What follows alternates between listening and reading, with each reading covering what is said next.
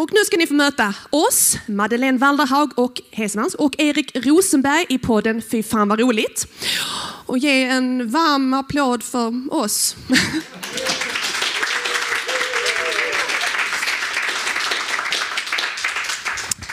ja, och eh, ja, men då kör vi igång helt enkelt. Är det okej? Ja, men det tycker jag. Jag har inte skrämt dig än. Nej. Nej, inte än. Vi får se hur det går. Eh, och vi är då en nördpodd som, vi är liksom en nördpodd om humor inom det. film, serier, tv, radio, lite blandat sådär. Och vi gör alltså nedslag i humorhistorien där vi analyserar och plockar sönder saker som vi tycker är lite roligt sådär. Och så presenterar vi det för er. Och då ska vi presentera oss lite, för jag tror det är många här som inte vet, har en aning om vem jag är. Kanske mina föräldrar och min granne som är här. Men eh, ska du börja presentera dig själv? Ja, men det kan jag göra. Jag heter alltså Erik. Jag har gjort eh, poddar i olika former i ett decennium, eh, men är tämligen ny på humor. Jag har försökt vara rolig hela mitt liv, men, men att, på en scen så har jag varit tämligen ny. Jag har gjort stand-up som, som rookie i två år, men med pandemier så är inte det så mycket scentid ändå.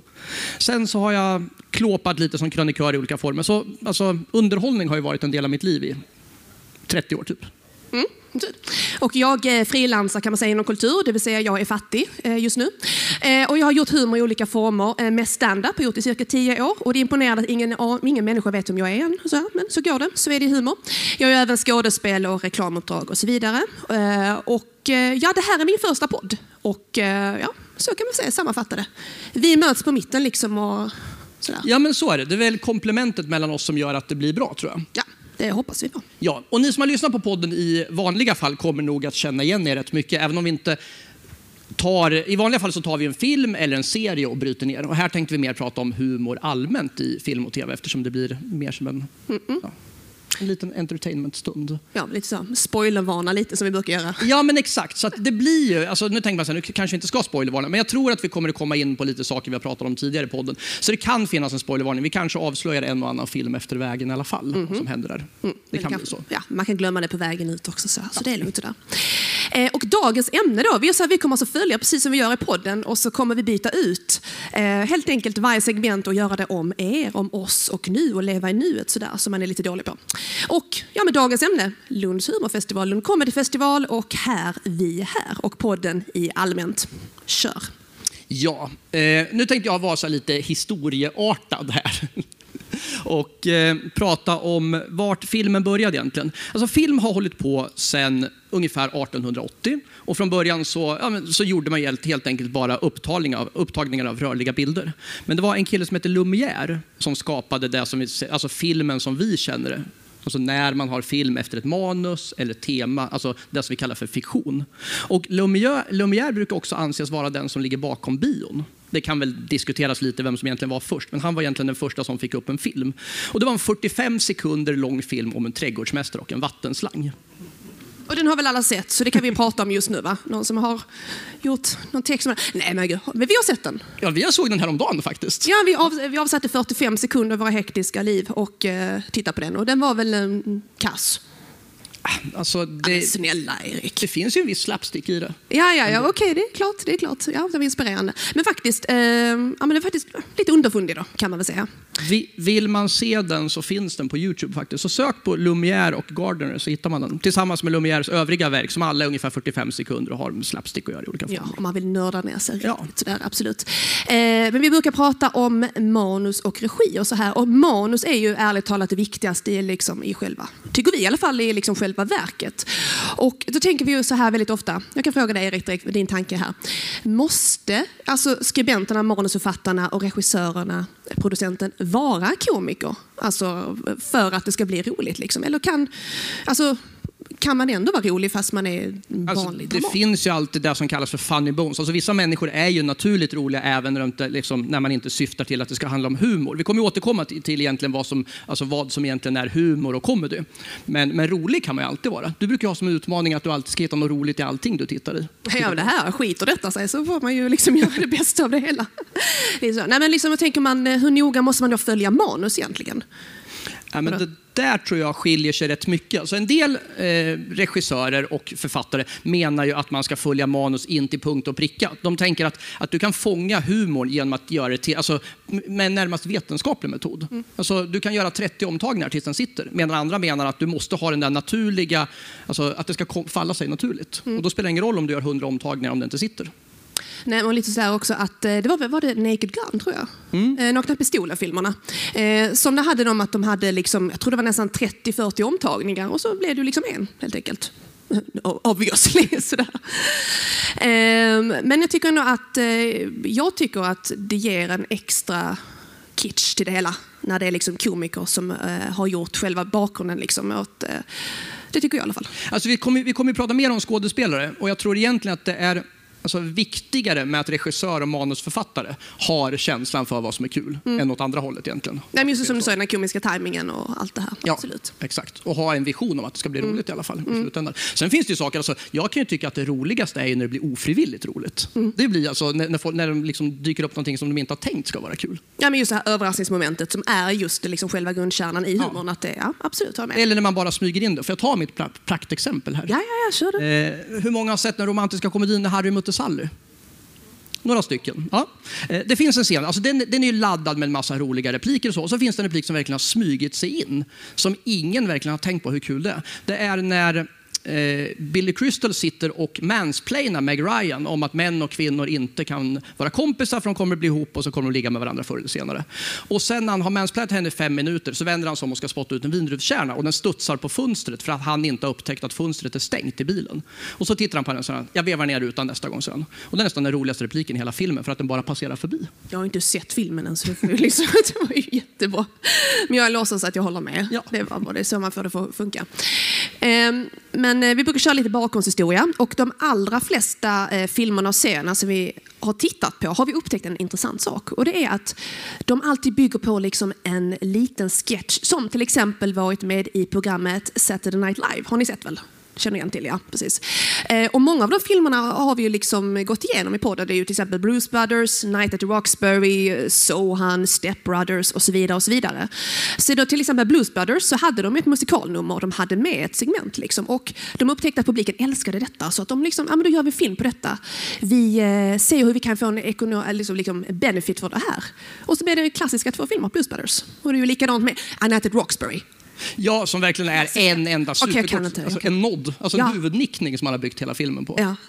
Och det där är intressant, för det där återkommer till det som du pratade om med manuset. Alltså att idén på, i en komedi är ju nästan aldrig alltså, superrolig i sig. Utan det är där man skriver runt omkring som är roligt. Sen kan det bygga på i princip vad som helst. Du har ju Seinfeld-grejen, A show about nothing. Ja men exakt, och sen, ja, precis. Och, sådär. Eh, och även, eh, ja, men just de här, och det är många av de här SNL, vi kommer till skådisarna sen, men många av de här eh, Saturday Night skådisarna är ju också med i, alltså de följer med från sketchen in i filmen också. Så det är typ därför man ofta ser samma. Och det är väl lite för att de som gör filmen vet liksom vad de får helt enkelt. Absolut. Eh, sen har vi även Fawlty Towers, men där är det snarare så att det är byggt på en, alltså en händelse eller att liksom hotellägaren finns på riktigt. Så det är ju inte riktigt samma sak, men då har de ju också en tydlig bakgrundshistoria. Liksom, sådär. Ja, och den bygger på en karaktär. Alltså man har gjort, alltså allting är ju egentligen vinklat kring Basil Fawlty, så har man byggt ut det. Och så Ja. blir det en massa annat som är kul i, i anslutning till det. Absolut. Så har man en jättedålig kass idé bara sådär så kan man göra en långfilm på det tydligen. Men lite jobb måste man ju tydligen göra då, så vi får se. Vi kan komma på något. Någonstans ska vi, någon gång ska vi ha ett manus tillsammans. Ja, någon gång. Vi ska bara vi, vilken fokusera. liten idé vi bygger det på. Ja, egentligen. ja, vi får se. Absolut. Eh, och när vi pratar om det här, alltså, vi har ju haft som kriterium när vi ska göra någonting i podden, alltså, det ska vara alltså, humor i film och tv och det ska vara avsiktlig humor. Och då är egentligen frågan, vad är en komedi för någonting egentligen? Alltså när är det komedi och när är det feelgood till exempel? Och när är det humor? Alltså, gränsen är hårfin. Mycket av det som kallas för romantiska komedier är ju egentligen ett rom- romantiskt drama och sen är det bara en jäkla feelgood-känsla så att du sitter och ler. Men någonstans, alltså, någonstans kan jag ändå känna, var tycker du gränsen går? Jag tänkte, nu är det inte kanske så många som har hunnit höra, men senaste avsnittet var ju Bridesmaids eh, som släpptes igår. Och den heter, alltså det är ju en romantisk komedi, men det är liksom en del feelgood i den också. Men jag tycker, alltså, jag tycker det är snarare, där är det humor, liksom att man har Alltså om man ska vara nördig, liksom sätta punch, alltså just det här eh, klassiska stand-up man ska skriva efter, finns ju till exempel. Ja, den hade ju funkat med, alltså mina, eh, en av mina stora hatobjekt är ju burkskrattet, där man verkligen tydligt, här kommer ett skämt. Bridesmaids är ju tydligt för att då kan man säga så här, det är humor om du kan lägga in burkskratt. Då är det humor hela vägen. Men sen finns det humor som inte hade funkat. Där det bara är alltså, underfundig humor. Det är inte meningen att du ska sitta och skratta rakt ut, men det är roligt i alla fall. Nej, men just alla de här sitcomsen är ju liksom så här burkskrattet för en att liksom psykologiskt att skratta majoriteten av publiken så kommer de som ser serien så kommer ju alla andra också att skratta till slut. Så. Det finns ett bra test i, på, också på Youtube där man har tagit en Seinfeld-sketch igen och tagit bort burkskratten. Det blir bara alltså, psykopatiskt av det hela. Ja. Då sitter man ensam där hemma och skrattar. Exakt så. Ja, jättekul. Eh, Men sen har vi lite, det finns olika typer av humor och vi har gjort vårt bästa lite sådär, eller nästan vårt bästa, okej vi har försökt i alla fall, att eh, få med lite sådär, man kan lära sig saker från vår podd och inte bara massa trams. Eh, Och det finns olika typer av humor då, till exempel, till exempel joke in a joke. Och då brukar vi ju nämna vad som händer i filmerna. Och det är liksom om någonting händer i förgrunden och i bakgrunden. Så om vi sitter här till exempel och gör, försöker vara roliga på scenen och så händer något skit i bakgrunden, att liksom, att någon stol klappar ihop eller allting exploderar. Liksom, och så här, om man tycker sånt är kul. Det är liksom Joe, då händer två roliga saker samtidigt. Eh, och sen så har vi eh, over the top och det är när saker och ting är verkligen extremt överdrivet. Eh, då kan vi liksom inkludera allting, kroppsvätskor och allting. Ja, men till exempel som en toaletten ute i lobbyn sprängs. Det är alltså over the top humor. Det är sjukt och äckligt, hop- hoppas jag tänkte jag säga. Tror jag. Eh, och sen har vi liksom svart eller mörk humor. Liksom så här. Och det är liksom om man skulle dra hemska paralleller till covid-19 till exempel. Och så här. Som det är liksom opassande, men man skrattar sig ur smärtan på något sätt. Sådär. Det blir ju tension breakers av det hela. Ja, men lite sådär. Man ska inte skratta, men så här får man skratta. Eh, slapstick har vi ju till exempel, om din stol brakar ihop just nu. Exakt. Eller som vi pratade om med Lumière. Stolen håller. Jag är så...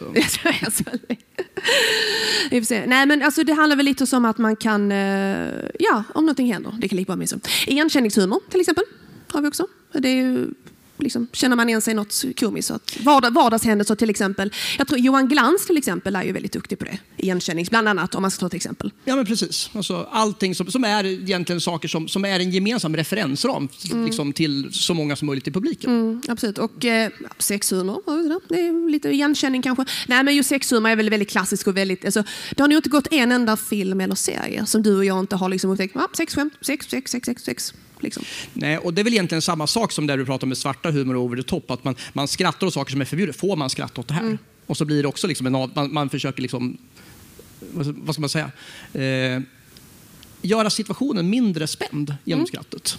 Ja, men så. Och så bygger alltså, humormakarna sitt skämt på det. Och sen kan det bli liksom bra eller dåligt, vilket som. Ja. Eh, satir är väldigt vanligt också. Det är såklart att vi driver lite med, vad ska man säga, driver lite med regeringen, det är inte så svårt. Eh, sen har vi, skippat den politiken. Eh, parodi och imitationer har vi ju eh, väldigt många duktiga imitatörer i Sverige också här. Och en hel del som jag tror SNL, eller är byggt på egentligen, är ju främst liksom Alec Baldwin som Trump och så vidare. Så det är väldigt klassiskt. Eh, som det finns ju ännu fler. Eh, vi har nog inte tid att ta upp alltihopa. Men det är ju lite det vi brukar ha med i, och i, film, i de allra flesta filmerna så skulle väl säga att det är, jag vet inte om du håller med, eh, det är väl sexskämt och over the top som är liksom alltid genomgående filmer. Lite absurt om man tänker på Borat till exempel också. Ja, och jag vet inte om det säger något om oss eller om något om samtiden egentligen. Ja. vad, vi, vad vi tycker är roligt och vad vi, vad vi skrattar åt. Men visst är det så, absolut. Ja, men absurd humor är ju roligt. Vi kommer ta, lite, våra, vi kommer ta våra topp tre eh, så här, favoritscener ur filmerna. Man behöver inte ha sett filmen givetvis, men det är liksom, vi kan ju beskriva scenen och så. Absolut. Ja. Eh, musiken, eh, det är ju så givetvis en väldigt bärande del av filmen och serien givetvis.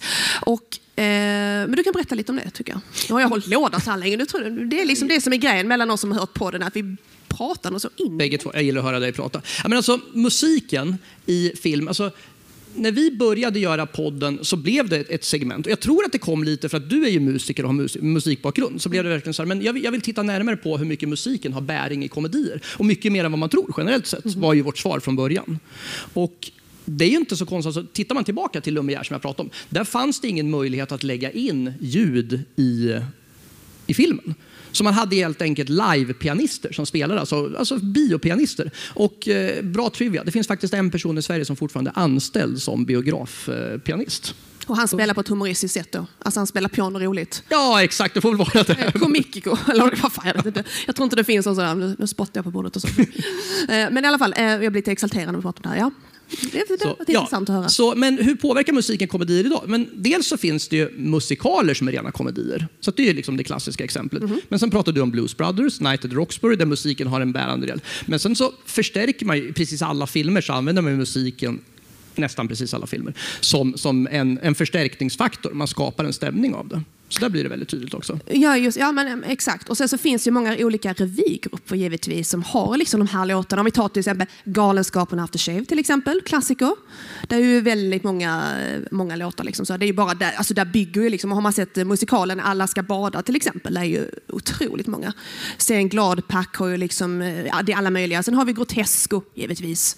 Som vi brukar säga som inte hade funnits utan Galenskaparna. Nej men precis, det, det märks tydligt att eh, Per Andersson och Henrik Dorsin, var de inspirationen kommer ifrån. Och det har ju faktiskt Per Andersson själv sagt att, eller förlåt, eh, Galenskaparna After Shave, liksom Göteborgsbaserat, är ju en av hans liksom, alltså inspirationskällor. Det är ju inte helt otippat sådär. Minus nakenheten kanske. sådär. Men då har vi ju klassiker, alltså Grotesco, liksom Kuk i hatt till exempel, som vi hörde på på vägen hit. Ja. Från som upptempo för det här. Även Bögarnas fel är också Ja. en sån klassiker. Som Och nu citerar vi alltså, vi citerar låten. Det är inte en eh, inte åsikt. bögarnas Det är ingen åsikt Nej. alltså, det är inte så va? Eh, Hasse och Tage, Povel Ramel, alltså det går ju att göra hur lång lista Ja, som ja helst. absolut. Det, när man väl börjar lyssna på det, alltså, till exempel Macken, Grisen i säcken och alla de här klassikerna. Ja. Ja, och sen, alltså, ska vi prata nu om Galenskaparna igen? Och Hen eh, Henrik Dorsin, så hans fantastiska hommage till Cornelis när han gör, bland annat en gaffelkort till exempel, är ju både roligt för att det är en humoristisk text, men det finns ju också en, det som du pratar om, im- imitationer och parodier. Mm. Det är en fantastisk imitation av Cornelis. Alltså, han är nästan mer Cornelis än vad Cornelis själv är i vissa sammanhang. Så. Mm. Ja, men, det är Helt otroligt. Eh, men sen är det också att vi har ju, vi har ju haft Blues Brothers och pratat om, School of Rock. Och det är liksom utan musiken så hade det ju inte blivit den filmen. Alltså Blues Brothers utan musiken. Nej, det blir svårt. Det hade varit lite märkligt. Två liksom, kostymklädda män som åker runt och är konstiga. Bröder till exempel. Ja, det är jättekonstigt sådär.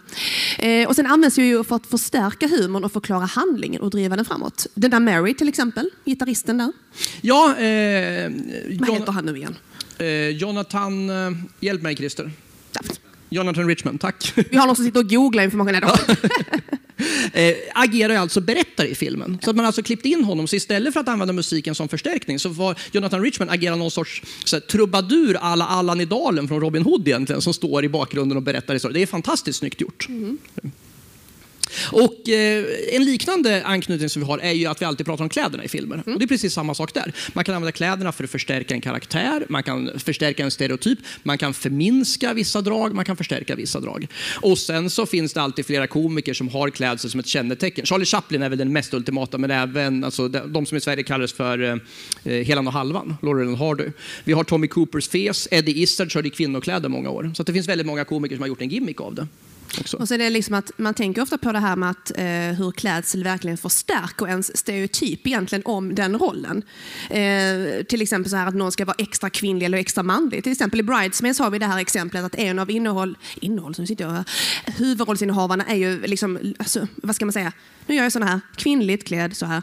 Eh, och den som ska vara lite grabbig har ju lite, lite grabbigare kläder. Lite så här. Att tjejerna har lite kjol och lite lalalala, så här. Och karlarna har liksom så här byxor och så. Liksom, de, de, där får man vara lite försiktig vad man säger och sitter och analyserar just nu. Men man märker att det är alltså stereotyper som liksom förstärks och fördomar eh, ofta. Ja, men så är det. Alltså, en, en bra serie att titta på, just att titta på kläderna, om ni inte har gjort det, det är Solsidan. Där alla karaktärer verkligen är förstärkta av sitt klädval. Mickan, Josefin Bornebuschs karaktär, som är otroligt verklighetsfrånvända kreationer hela tiden. Men de är ganska diskret gjorda, så att man tänker inte på det hela tiden. Allt är vitt. Ja, allt är väldigt vitt och allt är väldigt, väldigt speciella detaljer i allting. Allt ser väldigt, väldigt dyrt ut. Absolut. Eh, då har vi något, din favorit. Ska du ta din favorit Ja. nu? Eh, när vi gjorde podden så tänkte vi så här, undrar om vi kan koppla ihop alla serier som har gjorts någon gång och alla filmer. Så då har vi något som heter connection till våra tidigare avsnitt. Och det är alltså så att när vi har haft en serie så börjar vi kolla så här, vilka spelar i den här serien? Finns det en koppling till den andra? Enligt den här klassiska principen sex handslag bort som man hela tiden har. Alla människor har hälsat på varandra genom sex handslag. Det är ju jätteäckligt just nu. Ja, precis. Med covid så föll den lite. Det, det, det funkar ju, det var så det spreds, eller? Ja, genom sex Ja, handslag. precis. Genom sex. Antag. Men, eh, nej, men så, så vi försökte kolla, så här, går det att hitta en koppling? Och vi har väl gjort det i princip hela vägen. Det blev ju svårt när man kommer till svenska bitar. Men, men jag tror egentligen att man kan hitta nästan en koppling mellan vilka två Hollywoodfilmer som helst. Så kommer det alltid vara någon person, eller någon musiksnutt eller någonting som är koppling mellan alla filmer. Så det är en utmaning ni har. Kollar ni på två olika filmer vad som helst, ni kan ta Schindler's list och Seinfeld, så kommer ni hitta någon koppling någonstans. Om ni letar tillräckligt länge. Vi har gjort det hittills. Mm, ja, men, ja, faktiskt. Du, du jobbar hårt på den biten. Om Ja, jag det tar musikbiten så tar du liksom, lite det där. Ja. Men jag har fått också frågan, vad, är, vad, har det, vad har det för betydelse? Och svaret är ju faktiskt ingen alls. Nej, men det är bara ju roligt. En utmaning, för vi tycker om att nörda och analysera saker. Lite sådär. Ja, men det är nog praktexemplet på att hur nördigt det kan bli egentligen. Mm. Och ju, väldigt bra att du sa det, för att just det här med connections, det är att de ofta använder samma skådespelare i samma filmer som vi sa Saturday Night Live, att de kör ju samma ensemble. Och det är väl lite latigt att ah, vi vet vad vi får, han är bra, hon är bra, hon kör liksom där. Steve Carell till exempel är ju en sån som man slänger in någonstans och de vet att han funkar. Liksom. Eh, vi har ju att vi tycker om att prata just om skådespelarna just för att gräva ner oss i det och lära oss lite i det. Liksom. Och, eh, så tänker man ofta så här, hur viktigt är det egentligen? Det är komiker som gör en komisk film. Och återigen när vi pratar om Bridesmaids som är färskast i minnet, det är att eh, Rose Byrne då, som spelar den lite uppnästa perfekta rollen, hon är ju inte komiker, hon är den enda i ensemblen som inte är komiker. Medan de andra, Megan McCarthy, Kristen Wiig och alla de andra är ju liksom renodlade improvisationskomiker. Eh, sådär.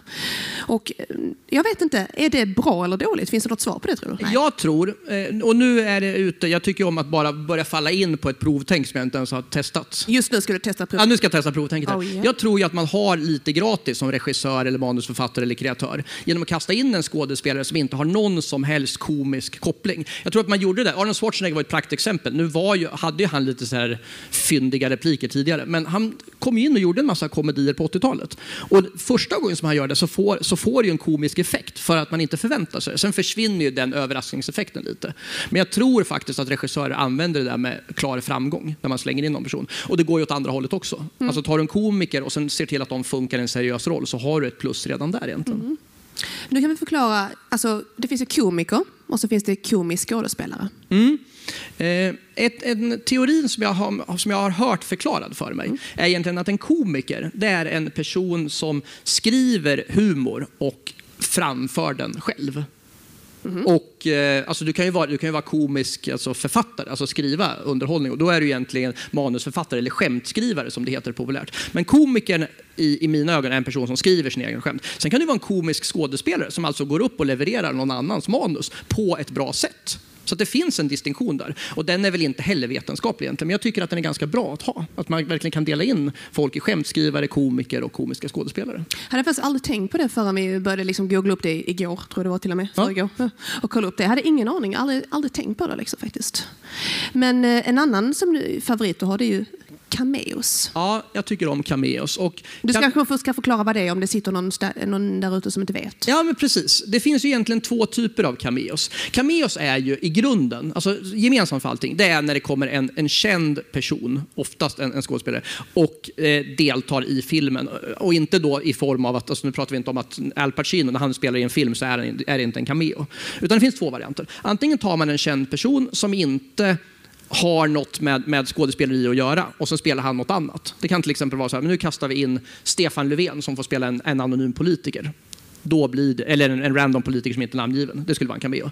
Men ofta så är cameon, det är när en person får spela sig själv. Alltså man kastar in Stefan Löfven som får spela Stefan Löfven. Som ett exempel. Så det finns det egentligen. Kan det inte varit roligt om Stefan Löfven spelar Ulf Kristersson? Jag tror folk skulle, alltså, Eller Jimmy Åkesson, bara för att är så. illusionen skulle bli svår. Det hade varit jätteroligt. Men där får du där absurda humor. Jag tror att man skulle kunna göra Ja, men det är lite som i Hjärnan funkar. Bara nu, nu när du börjar tänka så, nu ska vi inte glida iväg helt. Men jag bara tänker Stefan Löfven som Ulf Kristersson. Hmm, det ger mig en tanke. Lite rollspel sådär. Ja. Icke sexuellt. Jesus, det här kan gå fel. Och så sa Jesus, förlåt Gud. Ja. Ja. Klassiska, alltså de, de mest klassiska cameoserna, det är egentligen Alfred Hitchcock var ju väldigt tidig med det här, som alltid såg till att han hade en statistroll i sina egna filmer. Han kunde vara en person som bara stod vid en gata, gå ut med hunden, alltså han fladdrar förbi några sekunder bara. Men alla som har sett en Hitchcock-film har ju varit med om att... Ja, precis. Profilen av Hitchcock. Man ser ju, alltså, ser man en Hitchcock-film så blir det så här, nu ska jag leta vart Alfred Hitchcock dyker upp någonstans i filmen. Fråga, får jag fråga dig någonting? Jag frågade, sitter här. Fåglarna, är han en kråka då i bakgrunden? det hade varit jättekul. Jag vet inte exakt vart han är med i Fåglarna, men han är med, garanterat. En liten rödhake ja, sådär. Han är garanterat Ja, ja, är med. Och i, I modern tid, alltså nu är ju superhjältefilmerna väldigt populära och framförallt då Marvel. Och eh, Stan Lee som är en av de stora Marvel-skaparna, alltså av superhjältar, har ju varit med i i stort sett alla Marvel-filmer. Och man gjorde till och med så att Stan Lee, alltså när han var så gammal så började man spela in små klipp med honom som kunde användas i vilken film som helst. Nu behöver vi få in ett Stan Lee-klipp. Så gjorde man, då hade man tagit generiska klipp, alltså 10-20 stycken och bara sa så här, ja men här kan vi passa in i manuset, det är lite snyggt bara. Oavsett, eftersom man visste att Stan Lee kommer inte, alltså lite cyniskt, han kommer inte hänga med så länge till. Så. Men det funkade. Jag tror de har en sån grej i hipp hipp. Nu är vi ju i Lund och anagram ska vi prata med. Johan West och Anders Jansson ju, som har ju liksom skapat anagram. Och det här. Det, de hade ju en scen i hipp hipp där de har en pappa som är, jag tror det är från säsong ett eller säsong, jag kommer inte riktigt ihåg om de vet. Eh, och då har de en pappa som är helt besatt av att filma och eh, liksom så, ha med allting på film. Och när eh, mormon då börjar bli till åren, eller farmor, så blir det lite så att hon, de gör samma sak. Jag vet inte om någon kom, kommer ihåg det här. Att de liksom filmar då, grattis på åttaårsdagen, grattis på nio så. Tänker, det var ju fanns rätt smart, man borde göra det med alla, man vet aldrig. Ah, det görs nog. Gar- Ja, men så, jag vet inte, det är rätt häftigt att de har liksom, jag vet inte om de har tänkt på det eller det bara är ett sammanträffande. Men det är rätt smart, praktiskt faktiskt. Ja, absolut. Ja. Och det som är grejen med, med cameos egentligen är ju att, alltså, där är samma sak där. Du får någonting väldigt gratis när folk säger ah, det är den där personen. Och så, så blir det ett plus som folk tänker så här, egentligen så ger det ju inte någonting till filmen i övrigt utan det är bara ett, ett moment som folk känner, han känner jag igen. Att det är liksom, Och det är han och det är hon och det är Ja, exakt, det är lite wow-faktor. Eh, Från vår podd så har vi eh, inte Ben Stiller, Adam Sandler-filmen, eh, Gidra inte med son, där vi har Mariah Carey, John Paul DeJoria, George Takei, hur många som helst som dyker upp i olika roller. Man bara strusslar med det för att det är kul och för att man kan. Och samma sak i Borat har vi Pamela Anderson. Och där är det intressant. Är Pamela Andersons roll i Borat, är det en cameo när hon spelar sig själv? För att det är en mockumentär, alltså hela filmen bygger på att det är en fake dokumentär Så du menar att den inte är på äkta? Alltså hon är ju äkta. jag driver med dig. nej, men, så, nej, men det är sant. Det är intressant att inte fundera på riktigt sådär. Nej.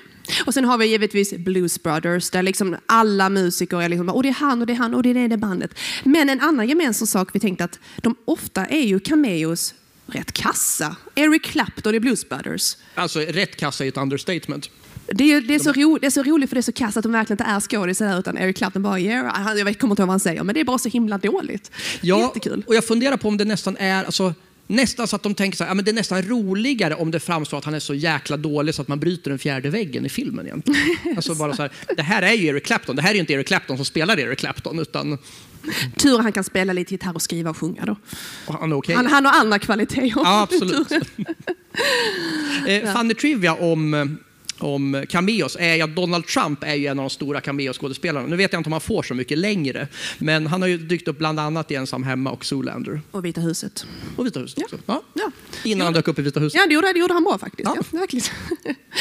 eh, och så utlovar vi lite så här, vi brukar ta trivia eller prata om specifika scener och när man har en podd och ska återberätta en scen så faller ju oftast humorn bort. För det är bara, ja men han gjorde det och så sa de det och så gjorde de det. Men vi ska ändå försöka att återberätta liksom, topp tre, alltså vad vi tycker är, ja, är de tre roligaste typ eller så här. Um, jag tycker om absurd humor och är snuskig och äcklig. Så att jag till exempel, Borat eh, har ju en, eh, ja det är ju en del naket och absurt där. Jag tycker att nakenwrestlingen mellan Borat och den här andra, vad heter han? Vad heter han? Ja, Asatov. hans- heter han. Asatov, ja. Asatov. Jag tycker det är jätteroligt för att det är så äckligt. Och jag tycker det är så, alltså de har verkligen gått all in och krossat speglar och rum och allting. Och sen springer de ner till den här salen där de har någon sorts bankgrej eh, så här. Jag vet inte varför den scenen har fastnat så väl hos mig. Det är ingenting jag ligger och tänker på dagligen. Men liksom... Nej, men där har du någonting. Man börjar ganska gross och folk är liksom så här, får man, jag tror att folk tänker så här, kan man verkligen göra så här? Vart ligger det roliga i två vuxna män som verkligen nakenbrottas? Det hade varit lika roligt med två nakna kvinnor. Svara inte. Nej. Svara inte. Du får inte svara, du får inte svara på det. Det tar vi sen. Nej, men jag, tror, Nej, jag men- tror att grejen är att det är två personer. De driver ju med fördomen om alltså, oattraktiva män också. Mm. Så. Och jag Det beror på vad man har för tycke i och för sig. Men... Ja, men Det generellt är ju inte riktigt är min det grej om man ska vara helt ärlig. Men, men det, är- det är humor för det är så grovt också. och Det är så jävla otippat. Hade det hänt någon gång, alltså här, kommer de, hade de smugit in här, jag vet inte. Det hade varit jätteroligt alltså. Det hade ju varit spännande va? Ja, du, tystnaden Jag tittar på dig. Har du sent någonting? Ja. Eh, och sen har vi nästa, men jag kan inte säga nästa nu, det är ju jätte, nu framstår jag som jätteäcklig. Och skitsamma, vi kör ändå. Mina föräldrar i publiken. Jag kan, ta den, jag kan ta den om du vill. Du ska, det här är Madeleines favoritscen från Step Brothers. Nej, men jag när kan- han drar pungen på trumsetet. Jag hade kunnat rädda dig och sagt att det var min favoritscen. Men... Att det, var- skitsamma. Ja, absolut. Det hade vi också kunnat. Men det är kul för det är absurt. Och det är så, det är så juvenilt. Det är roligt. Det, är liksom, det tilltalar vad fan reptilhjärna eller vad det är. Det är kul. Ja, och där tycker jag att man, alltså, man ska göra en liten, en liten eh, vet du det, en derail här. Ja. Så det är Will Ferrell och John C. Reilly. Och de två personerna är ju så otroligt duktiga skådespelare. Så där får man ju en film som är så otroligt tramsig, men som är så välspelad genom, från, från start till mål egentligen. Så jag tror att det bygger mycket på att de verkligen kan leverera allting så jäkla trovärdigt i tramset. Det hade varit ännu roligare om det var typ Al Pacino och någon annan snubbe. Och Robert De Niro hade inte varit jättekul. Nej, Robert De Niro hade ju kunnat liksom så, men ja, det hade jag tyckt var jätteroligt. Men sen tycker jag även för att eh, ta bort det lite snuskiga för mig här nu, det är alltså Fawlty Towers och hela den här eh, just avsnittet med Mrs Richards med sin hörapparat och alla de här misstagen. Det är liksom hela där, jag vet inte vad det är som tilltalar, om det är igenkänningshumor med, nej jag har ingen hörapparat men jag känner folk med, men alltså det är någonting, det är liksom att allting vävs ihop så jävla snyggt, vilket oftast gör ändå, men det är någonting just med det. Det, Ja, är, men- ja, ja, jag vet inte jag- var jag fastnat i det, men det är just hela det. Nej, men den, är- den är ju så välskriven. Och där brukar vi prata om, alltså det ska vi återkomma till, hur mycket saker och ting har åldrats med värdighet. Mm. Och alltså Fawlty Towers är ju det som folk säger så här, men det, det håller lika bra. Och det, det gör ju faktiskt det. Ja, Alltså, det minus vissa fortfarande ordval om man ska vara lite krassa. Så. Ja, i stort sett. Då. som vi inte kommer Ja. att pitcha här givetvis. Men absolut, men alltså, i humorn i sig, absolut. Det, är ju liksom, det innehåller allting som vi har nämnt tidigare. Joke and joke, absurd, liksom, slapstick, allting. Liksom. Och när vi var inne på det, vi pratade om det senaste avsnittet, då gjorde vi Bridesmaids som är eh, Kristen Wiig i huvudrollen. Där har vi en skådespelare, Melissa McCarthy, som är fantastiskt duktig. Och hon har, ju, har en replik där som sitter kvar som jag tycker är den bästa i hela. De, de sitter och så ska de brainstorma fram en möhippa. De säger ja, men vi kan göra, vi kan åka till Paris eller vi kan åka till, till det här strandhuset. Och så säger de så här, ja, men jag tycker vi kör Fight Club-tema. Vi lockar in henne och så spöar vi skiten ur henne helt enkelt. Hon kommer bli skitförvånad. Och det är ju verkligen så här, det är helt absurt. Man ser den inte komma från någonstans. Det är ju stand-up-humor. Ja, men jag, jag tycker det så säger hon också, hon avslutar med att liksom, eh, alltså, hon, alltså, det kommer bli en chock. Och jag tycker att det är så, så vill jag ha min möhippa. så det, Ja. jag tycker det låter skitbra. Ja. Eh, Jag ska fortsätta. Favoriter. Alltså Kvarteret Skatan. eh, Som är ju en fantastisk svensk sketchserie. Där har vi ju alltså Sten-Åke och Carita. Det här paret, det alkoholiserade paret som sitter i en husvagn. Det är ju egentligen, En blick in i framtiden. när vi sitter där båda Ja. två. Sorry, alltså, de, de sitter i den där husvagnen och det hade ju egentligen kunnat vara, alltså det är ju svart, det är väldigt svart, men det finns ju en kärlek mellan dem och alltså det är beskrivet med värme och hade man skrattat åt dem och verkligen gjort narr av dem på ett annat sätt så tror jag liksom inte det hade, då hade skrattet fastnat i halsen utan humorn här ligger ju i att man beskriver den här absurda situationen med sån värme mellan dem. De har bara varandra och allting annat har egentligen havererat runt dem.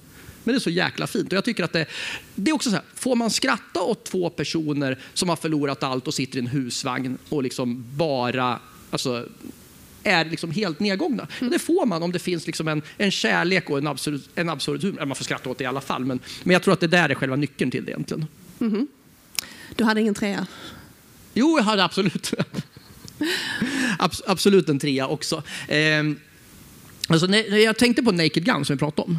Det är nog alltså den, den mest skämttäta film som jag någonsin har sett. Man har alltså bara staplat upp skämt på skämt på skämt. Alltså skämt per minut i den serien måste slå alla rekord tror jag i, alltså, i, Hollywood-serier. Och ska jag plocka ut någonting så är det egentligen också ett stand-up-skämt. Där Leslie Nielsen, som faktiskt inte heller var en komisk skådespelare från början, men som avslutade med att göra Airplane och titta vid, eller eh, Nakna Pistolen-filmerna. Då sitter han och så berättar han då att eh, att eh, han eh, hade någon släkting, tror jag, som hade gått bort i en zeppelinarolycka. Och då kollar eh, den här personen han pratar med och säger Oh, good year? No, no, bad year, säger han. Och det är också så här, det är genialt skrivet. Det är stand-up-humor också. Det är väldigt, och lite mörkt också. Lite ändå. mörkt också. Men sen även den här, bara säger det också lite kortare nu, den här övningskörningsscenen i eh, Nakna Pistolen, det kan man väl känna igen sig att det är en idiot som kör om man inte är så duktig. Och det här när herren, eh, körskolläraren säger att han, hon ska räcka finger åt han lastbilschauffören, det tycker jag är roligt. Där har vi igenkänningshumor alltså. Det är igenkänningshumor och det är I enkelt. Malmö i alla fall, Ja. måste jag säga. Här vet jag inte, men i Malmö. Nej, men det är igenkänningshumor också. Ja. Lite gulligt sådär. Lite gulligt, jag tror det är fantastiskt liksom. Så, ja. Ja, och alltså, fy fan vad roligt vår podd är ju på ytan skulle jag säga, om vi ska rannsaka oss, ganska tramsigt bitvis. Jag tror att det är jag som står för tramset, i alla fall just nu. Det, är liksom, det känns Nej som att jag, du, nej, jag tror att vi har det du är den gamle vise, som är liksom, jag är den lite Nej, bara på ytan. Jag tror att det, det är Ja, ja, då. same same ungefär. Eh, men Eh, jag tror att vi har alltså ett segment som jag tror att vi tycker om bägge två utifrån det här som vi pratar om med nördigheten. Det är att vi alltid försöker hitta, finns det någonting djup, djupt i filmen? Alltså finns det någonting som går att förklara med en djupare diskussion? Och det är också så här, det finns en utmaning. Kan man hitta någonting i Roxbury eller en ren så här, toaletthumorsfilm? Och nästan överallt så finns det ju en baktanke. Förlåt, jag sitter och skrattar. Det är varför jag inte får skratta just nu, för nu skulle det vara lite allvarligt. Nej, men vi försöker hitta något djup eller moral i filmen, för oftast är det liksom inte som då, eh, det är ju inte en bajsscen, utan det ligger något annat bakom som ska liksom något djupare och sådär. Och vi liksom försöker i alla fall få till att lyssnarna ska liksom se bortom komiken, lära sig någonting, se filmen igen eller serien med, med nya ögon helt enkelt. Att man eh, tittar på någonting, inte förstöra filmen, för det kan man säga, åh nej gud, handlar det om det? Vad tråkigt, nu kan jag inte skratta. Utan, aha, det hände för att det ska representera det och där har vi moralbiten. Eller liksom, sådär. Vi hade ju något, eh, det är ju alltid något varje gång. Liksom. Men jag tycker, några exempel, man kan ju titta tillbaka. Om man tittar på till exempel med, med komiker. Så kan man titta på om den här komikern har gjort det här som inte är okej i efterhand. Alltså om det kan vara någon metoo-grej. Är det okej då att skratta åt komikerns tidigare verk? Hur påverkar det alltså hur du ser på en film idag? Eh, vi har ju till exempel i Borat-filmen. Så kan väl du dra exemplen med byn på slutet? Nej, Just det här att han, han lurar invånarna i den här rumänska byn att han ska representera den rumänska byn. Sanningen är att han liksom har det ju som den här på, hittepå-grejen istället. Och när de får, man, man kan se det på Youtube, eh, det här klippet när byinvånarna får reda på detta sanningen. Att han, han har lurat dem helt enkelt. Och det var ju liksom, det är ju, vad ska man säga, starka känslor. Den gubben är en plane, alltså shit. Det, och det, då tänker man så när man ser tillbaka, ja, det var ju inte schysst. Va? Det var ju liksom för en mockumentär, men alltså sitta och... Nej, jag vet inte. Nej men precis, för alltså, i Borat, alltså, att han lurar de här amerikan, alltså, den, amerikanska befolkningen och politiker och, och alltså, driver med amerikanska fördomarna. Det bygger hela filmen på. Men när han istället sparkar neråt på de här östeuropeiska alltså, byborna, då fastnar ju skrattet i halsen och då faller ju hela den här poängen egentligen. Så, Så det är sådana bitar utan att bli för tragiskt att man försöker hitta och ha med. För annars som du sa, annars blir det bara en trams eh, plojplåd, lite sådär. ja. Och när vi ändå pratar om det, så ett, ett segment som också ligger lite i anknytning till det, det är ju hur humorn har åldrats egentligen i en film. Och då tittar vi liksom på de här olika aspekterna i ordval, liksom, är det, är det PK-säkert, vad ska man säga? Men är det liksom metoo, hur framställs kvinnorna, männen, vad händer i scenerna? Alltså lite titta på att, eh, som med Fawlty Towers och den här gamla majoren och hans ordval, absolut inte ett skit man vill stå för, absolut ingenting som hade liksom gjorts. Men John Cleese och Conny Buff skrev ju det här för att han skulle vara gammal och senil och inte veta vad han pratar om. Det är ju inte så att han, de har med en rollfigur som är rasist. Liksom. Det har jag ju liksom, alltså, alltså, tanken är ju att de ska ju driva med hans senilitet och inte med en annan hudfärg. Nej, precis. Det blir liksom, saker och ting får ju liksom olika svängningar och det kommer ju gå fram och tillbaka egentligen i olika former. Där. Alltså, det kommer vara så, vissa, saker som är, vissa saker kommer att sluta vara okej för alltid och vissa saker kommer att gå, liksom i, kommer att gå trender i. Så är det. Sen, sen vissa saker är ju rent daterade också. Alltså ett skämt ett, om, om politik eller om en samhällshändelse, den försvinner ju när, folk, när det blir svagare i folks medvetande blir det svårt att bygga ett skämt på det om folk inte har referensramarna att skämta om det. Mm. Eller så tittar man tillbaka och tänker, oh, så kunde det vara då och så var det då och det hände då. Det kan ju också vara intressant. Men just, och eh, ofta nu i, eh, ja, men just i den här metoo-aspekten, att man försöker titta på det också.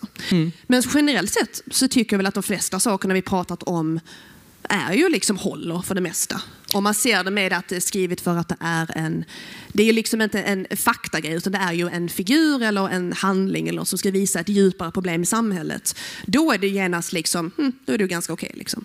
Ja, precis. Sen, sen finns det olika saker vad man skrattar om generellt sett. Alltså slapsticken har ju också, alltså den har ju utvecklats på vissa sätt. Du pratar om Per Andersson till exempel. Han är ett exempel på en komiker som verkligen har tagit slapsticken in i modern tid så att det fungerar. Men jag tror att det är inte alls speciellt många som skrattar högljutt åt Charlie Chaplin på det här sättet längre. Men han är ju helt omistlig för, för comedyn. Alltså det hade ju liksom inte funnits humor på det här sättet som det ser ut idag. Hade, utan Chaplin så hade humor sett annorlunda ut.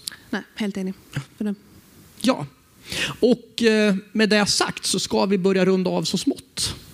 Redan? Ja, redan. började. Ja, okej då. Vi Ja. har pratat tre kvart nu i oavbrutet utan andningspauser. Jag tallar slö, precis. Jag har fått en del läppstift på micken i alla fall, men vi, vi slänger den på vägen ut. Va? Nej, men- Puffen. ja. Alltså inte micken, puffen då. Ja. Nej, men jag, jag, jag tänkte så här, vi rundar av med Mm. att berätta vart man kan följa oss fortsättningsvis. Och sen kollar vi om det är någon som har någon följdfråga egentligen bara. Absolut. Ja. Absolut. Ska du börja pitcha då? För det är jag som brukar dra det på det. Ja, men det kan vi göra. Ehm, Jag ska bara testa om du kommer ihåg vad vi har. Nej. Ja, okej då.